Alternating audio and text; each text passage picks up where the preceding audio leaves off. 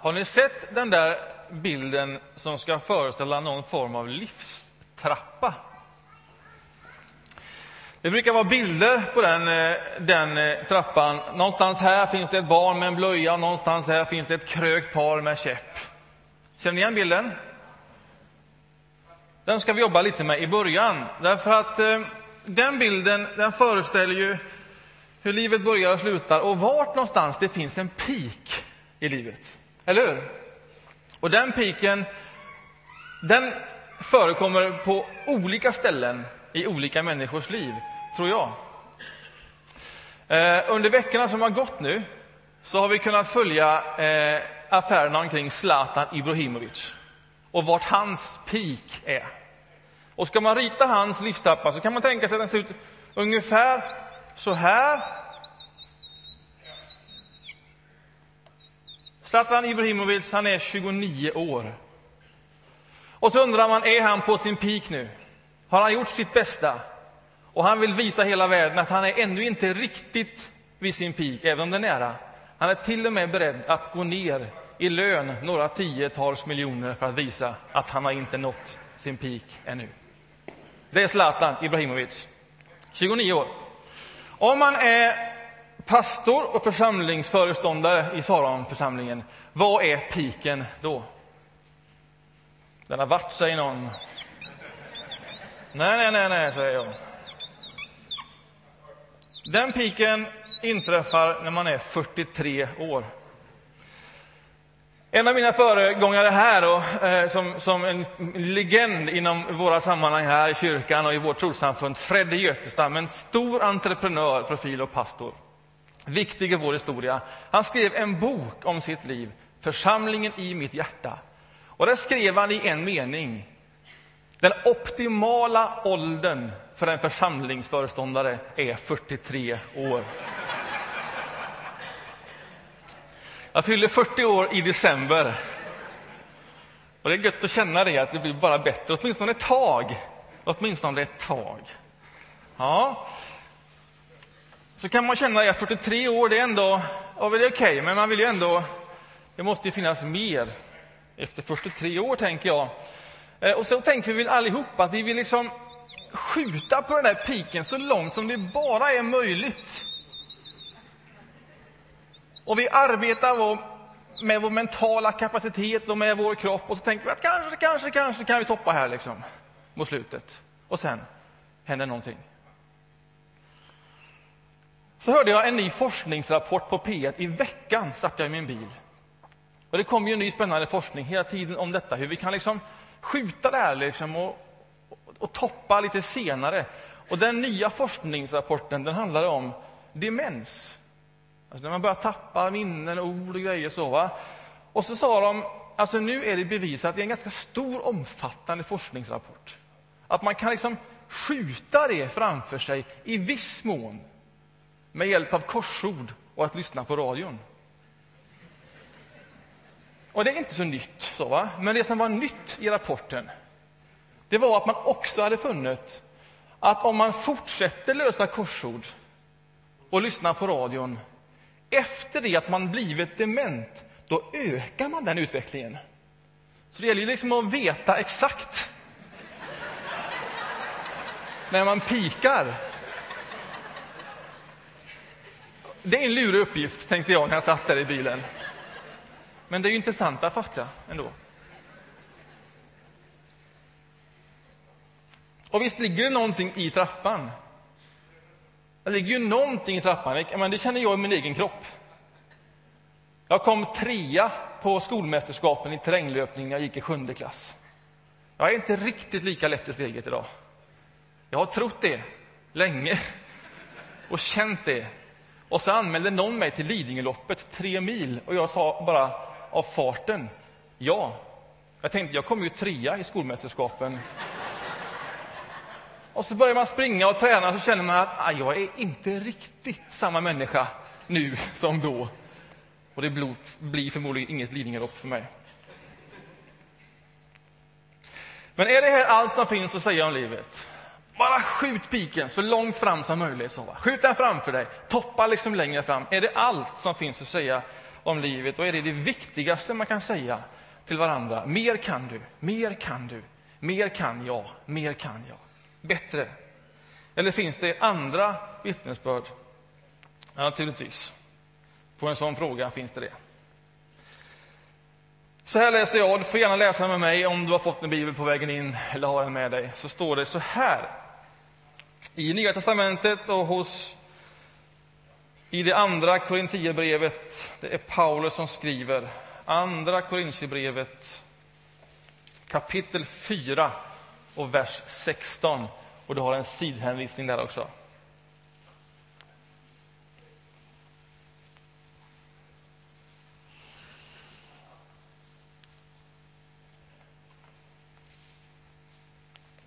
Därför ger jag inte upp. Även om min yttre människa bryts ner förnyas min inre människa dag för dag.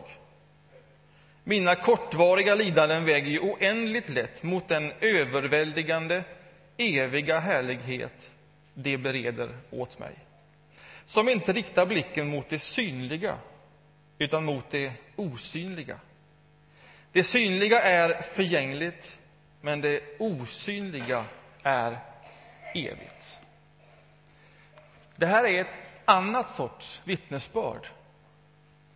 Även om min yttre människa bryts ner och frågan är ju inte om, utan när och hur och på vilka sätt. Även när det sker, när det sker, så förnyas min inre människa dag för dag. Är det möjligt? Jag tror att vi behöver ett helhetsperspektiv på livet. Att inte se det förenklat från ett håll. Livet är så långt mycket mer än det vi med en snabb blick kan registrera på ytan. Det finns andra skikt som är nog så viktiga, som är bestående eller med det ord som Paulus och Bibeln använder, ofta som är evigt. Och jag vill dessutom inte bara slå ett slag för det inre livet, jag vill dessutom uppmuntra och utmana dig att inte förlägga frågorna om den inre människans förnyelse till en privat sfär. För det är lätt gjort. Jag tror helt och fullt att livet är långt mer sammansatt och en större helhet än så. Jag tror att vård, inte bara av kroppen, av vår mentala kapacitet, utan också vård av själen, hör till ett fullständigt nödvändigt helhetsperspektiv på livet. Och dessutom ett perspektiv som skapar ett mänskligare samhälle. Därför är vård för själen i allra högsta grad ett politiskt budskap. Det är inte bara kopplat till inre upplevelser, utan vård för själen är ett politiskt budskap. Det är någonting som, om man också tar det på allvar, gör någonting med samhällsklimat. Så tänker jag. Får jag fråga om du har någon som bryr sig om dig, frågar dig om din livstrappa. Alla de steg som du tar, som du just nu jobbar med och lever i. Om du har någon mentor, någon coach, någon förebild som hjälper dig att liksom hela tiden utvecklas och vara på väg och vara på gång. Du kanske har ett utvecklingsprogram på jobbet. Du kanske har intresserade och uppmuntrande föräldrar som följer dig och uppmuntrar dig och backar upp dig på alla sätt, eller vänner som fungerar på så sätt. Då är du en väldigt, väldigt privilegierad människa. Och jag skulle önska alla människor det. Den typen av omsorg och uppbackning om det som är våra steg och utmaningar och arbeten och familj och allt vad det nu kan vara. Men jag vill med lika på ett lika enkelt och klart sätt fråga dig om, om du har någon som på liknande sätt bryr dig om din inre människa. Om du har någon som på liknande sätt bryr, dig, bryr sig om din själ. Om du har någonstans att med självklarhet ta vägen med såväl den djupaste glädjen som de allra svåraste besvikelserna. Om det finns någon i din närhet som orkar lyssna färdigt på ditt liv. På alla de frågorna som ibland kommer av egen kraft, som man liksom inte väljer att plocka ner, utan som kommer av egen kraft, inifrån. Man vet inte varifrån de kommer, men de kommer och de vill liksom inte släppa taget. De är där och de kräver någon form av svar. Och man kan inte bara döva dem och lägga det åt sidan. Det finns liksom inneboende kraft i den typen av frågor. Har du någon som kan lyssna på dem utan att flacka med blicken och vara på väg till nästa sak och möte och det som stod i sin almanacka? Har du någonstans där du kan skratta och gråta ohämmat utan att du känner dig generad? Det är, tror jag, lika viktiga frågor att ställa sig som de om det man lätt kan registrera på ytan. Om någon stödjer dig, går med dig, om du har ett bra utvecklingsprogram på arbetet och så vidare. Och någon, vi, behöver ställa de frågorna till varann. För om din livstrappas peak inte inträffar vid 87 års ålder utan den inträffar plötsligare och liksom oförutsägbart och långt tidigare än vad du hade planerat och drömt om och tänkt om ditt eget liv. Finns det någon som helst beredskap för det scenariot? Om det mesta av energi och fokus är riktat på det här. Om du inte innan ställt dig frågorna om din inre människa, om din egen själ. För så är det, tänker jag, att när vi lever vårt liv, när vi går vår trappa, när vi utvecklas, då, då ökar naturligtvis hela vägen på väg till piken, så ökar alla sorters förväntningar. Det är att bli vuxen, det hör till livet. Med det också en ökad inre och yttre press. Kraven blir liksom större, kanske tyngre. Man får med tiden en växande kontaktyta. Det är många människor att ha i sin sociala närhet och det kräver sin energi. Och någonting som sociala medier bara boostar och spär på. Och det är väldigt mycket kontakter som man har att hantera. Allt sammantaget gör att livstakten ökar. Och några av oss gillar ju det. Det är ju en, det är en god känsla att få känna att man, man är mitt i livet och det fläktar och det är på väg och det händer saker. Och det, visst är det en god känsla och det är tillfredsställande på många sätt. Om man vill räcka till för så mycket och för så många om man vill så mycket. Och så kan det ändå kännas som att tiden inte riktigt räcker till för allt det där. Och ibland kommer den känslan att den kommer liksom inifrån, eller var den nu kommer, var den nu kommer, den kommer liksom och den tränger igenom och så tänker jag, hur jag än vrider och vänder på detta så räcker inte tiden till. Och det finns något otillfredsställande i det, trots att man gillar det. Och efter ett tag så tänker jag, då är det inte konstigt att man kan uppleva en känsla av otillräcklighet, trötthet, av en sorts Identifierad leda, oro, inre rastlöshet som man inte riktigt kan säga så känns det när du kommer därifrån. Den bara smetar omkring. Har ni känt så någon gång? Eller är jag ensam? Vad är det som håller på att hända då? När den typen av frågor tar tag? Ja, Jesus han säger så här. Och jag tror det är på pricken. Vad hjälper det en människa om hon vinner hela världen men får betala med att mista sig själv? Det tror jag är vad som händer. När man vinner liksom allt och är överallt och bara älskar det men det blir någonstans så att man tappar taget, greppet, perspektivet, helhetsperspektivet. Och man kanske får börja betala med sin egen själ. Med en trött och sliten själ som inte tål samma tempo som man lever i från ett annat perspektiv utan som behöver ett annat sorts tempo. Jag vill säga två saker. Och Det får väl vara det som är mitt valmanifest då, här i dessa valtider. Det första jag vill säga till dig, väldigt enkelt. Du skulle platsa på en av affischerna som åker förbi nu hela tiden. Ge själen utrymme.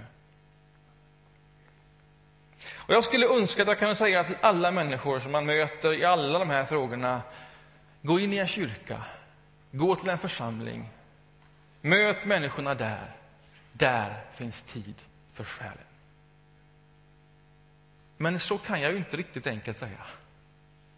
Därför att vi är ju alla här. Vi är ju alla här och brottas med våra liv. Vi står ju i samma sorts kamp i alla de här frågorna. Och därför måste vi säga detta till oss själva, alla vi i detta rum. Ge själen utrymme. För är det inte så att när vi träffas nu och då på privata fester och tillställningar och omkring en gudstjänst och ett kyrkkaffe så är många av de frågorna vi ställer till varandra den här typen av frågor. Vad arbetar du med för projekt just nu? Hur går det? Går det bra? Och alla de frågorna är frågor i omsorg. Har ni renoverat färdigt? Jaha, mm, ja, jag vet hur det känns. Och det är fantastiskt. Men så lätt att det blir ett perspektiv. Och jag är expert på de frågorna, för det är det här enkla sociala spelet där vi kan ställa enkla frågor till varandra och känna vad gött vi är. Liksom, ah, härligt, trevliga människor. Så va? Det sägs att eh, tidigare i vår egen tradition här i den här kyrkan och frikyrkan och på tältmöten och så, när det var riktigt stort, då gick predikanterna och talarna runt omkring och äldstebröder och allt vad det hette gick runt och ställde frågan i bänkarna och till varandra på kyrktorget och annat med en sorts självklarhet. Har du frid med Gud? Har du frid med Gud? Och jag tror att om jag skulle gå ut här nu och fiska lite i bänkarna, har du frid med Gud? Skulle man känna, ah, en lite obehaglig fråga. Privat nästan, eller hur? Så, så med decennier har det hänt någonting med våra inre liv. De har blivit mer och mer privata. Att en sån fråga vet man inte riktigt hur man ska svara på, åtminstone inte så där rakt av, utan att liksom... Alltså, det blir bara för knäppt att få en sån fråga helt oförberett. Någon nickar så här försiktigt. Ja, det är lite knäppt. Och ändå tror jag att alla av oss någonstans djupt längtar efter just den frågan. Om den bara ställs på ett inte knäppt sätt. Utan ställs i ett sammanhang där den kan ställas. Och där man inte ställer frågan och förväntar sig ett blixtsvar, snabbt svar och en analys, utan där man faktiskt har all tid i världen att vänta in det svaret. Och har ro att lyssna färdigt på alla de frågor som följer med en sån fråga. Och för att det ska vara möjligt så behövs det någon form av gemensam förståelse och överenskommelse här. Här är det okej okay att ställa den typen av frågor till varandra. Här är det okej okay att komma med egna frågor och här vet jag att det finns vilja åtminstone att lyssna på det, lyssna färdigt på det och ta det på allvar. Jag tror att så många invanda gemenskaper i vår vackra kyrka skulle må väl av att skriva om sina kontrakt, sina sociala kontrakt med varann om vad som är tillåtet och inte tillåtet när man möts en fredag eller lördag kväll. Att man säger i vår gemenskap är det tillåtet att fråga också de frågorna. Hur man mår på riktigt. Hur det är ställt med den inre människan. Och då inte frågor ovanifrån, utan frågor som kommer Jag frågar därför att jag vet att vi sliter med olika saker. Det här är ett perspektiv. Och när Bibeln beskriver det här perspektivet och ett inre perspektiv så beskriver den två perspektiv som befinner sig i krig med varann. Som inte helt och fullt kommer överens. Och vart någonstans finns det utrymme för att tala om det slagfältet som pågår, tror jag, i varje människas liv som något sådär reflekterar över sitt liv. Tänk om ni skulle skriva om era sociala spelregler bara lite. Att någon skulle initiera ett nytt samtal, ett samtal som man inte sådär brukar göra. Bara försiktigt, bara lite. Och att det då fanns tid kvar. Att han inte kommer alldeles för sent på kvällen, den frågan. För det gör han ju ibland. Jag tror att det skulle bli gemenskaper som vibrerade av liv.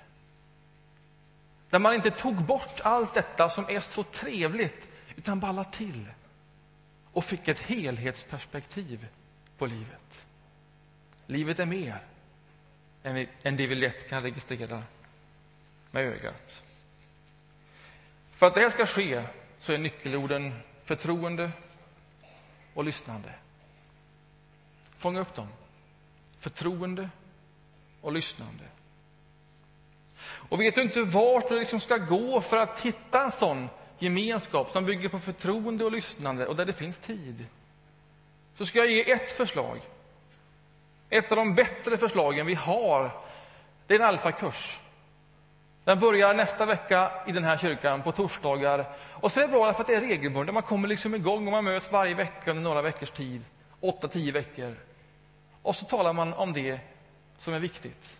Och så möts man från olika perspektiv. Och där växer fram en förtroendefull atmosfär. Integritetsfull. Ingen säger mer än vad man vill.